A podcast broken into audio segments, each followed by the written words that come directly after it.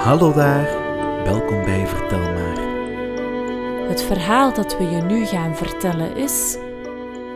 De rattenvanger van Hamelen. Het is eeuwen geleden. In het Duitse stadje Hamelen hebben de mensen het heel goed. De molens aan de oever van de rivier draaien aan één stuk door. Op de markt is altijd genoeg brood, groente en vlees te koop. De mensen leven zorgeloos en kunnen zich niet voorstellen dat er ooit een eind zal komen aan deze heerlijke tijd. Maar dan komen de ratten. In het begin zijn het er nog niet zoveel. Ze worden gelokt door al het eten in de huizen en eten hun buikjes vol. Al snel krijgen ze een heleboel jongen. Op straat wemelt het nu van de vraatzuchtige ratten. De mensen durven bijna niet meer naar buiten te gaan. De ratten dringen door tot in de keukens en kelders van de huizen. Iedereen is bang en wanhopig. Wat moeten ze doen?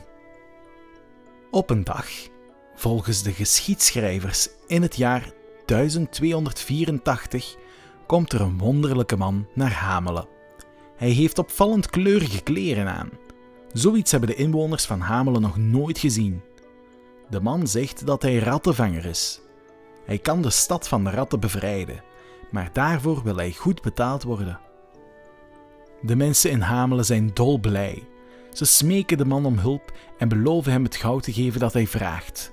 Ze hebben het er graag voor over als hij eindelijk de ratten voor hem verjaagt. De burgemeester belooft zelfs op zijn erewoord dat de rattenvanger het afgesproken loon krijgt als de ratten weg zijn. De volgende dag loopt de rattenvanger door alle straten van de stad. Hij heeft een fluit tevoorschijn gehaald en speelt daarop een wijsje dat nog nooit iemand heeft gehoord. Hij trekt kriskras door de stad en overal waar zijn fluit klinkt, komen de ratten naar buiten uit de keukens en de kelders, uit de stallen en uit de pakhuizen. Ze trippelen achter de muzikant aan. Als hij zeker weet dat hij alle ratten bij zich heeft, loopt hij de poort uit naar de rivier. Hij lokt de ratten het water in en ze worden meegesleurd door de stroom. Ze verdrinken allemaal. De mensen in Hamelen zijn opgelucht. Eindelijk zijn ze van die akelige ratten af. Maar ze hebben er spijt van dat ze de rattenvanger zoveel goud hebben beloofd. Zo hard heeft hij er niet voor gewerkt. Een beetje fluiten was genoeg. Ze verzinnen allerlei smoesjes en weigeren hem te betalen. Toch heeft de rattenvanger gedaan wat ze hadden afgesproken. Boos loopt hij de stad uit. Een tijdje later, volgens de geschiedschrijvers op 26 juni, komt de rattenvanger terug naar Hamelen. Deze keer is hij gekleed als een jager met een grote rode hoed. Zijn ogen fonkelen van woede. Hij wil zich wreken. Net als de vorige keer haalt hij zijn fluit tevoorschijn en begint zijn bijzondere melodie te spelen. Terwijl de vrome inwoners van Hamelen in de kerk zitten, loopt de rattenvanger weer kriskras door de straten. In plaats van ratten komen nu uit alle huizen kinderen naar buiten. Vol vertrouwen volgen ze de prachtige fluitmuziek. Ze verdringen zich rond de man en gaan met hem mee zonder nog één keer om te kijken. De rattenvanger loopt weer de poort uit en leidt de kinderen naar een berg in de buurt van de stad. Daar verdwijnen ze. Een kindermeisje heeft alles gezien. Met een baby op haar arm loopt ze de optocht een stukje achterna, maar dan gaat ze terug en vertelt in de stad wat er is gebeurd. Volgens de geschiedschrijvers komen er ook twee kinderen terug naar de stad. Het ene kind is blind en kan wel vertellen wat het heeft gehoord, maar het kan niet de plek aanwijzen waar de rattenvanger de kinderen naartoe heeft gebracht.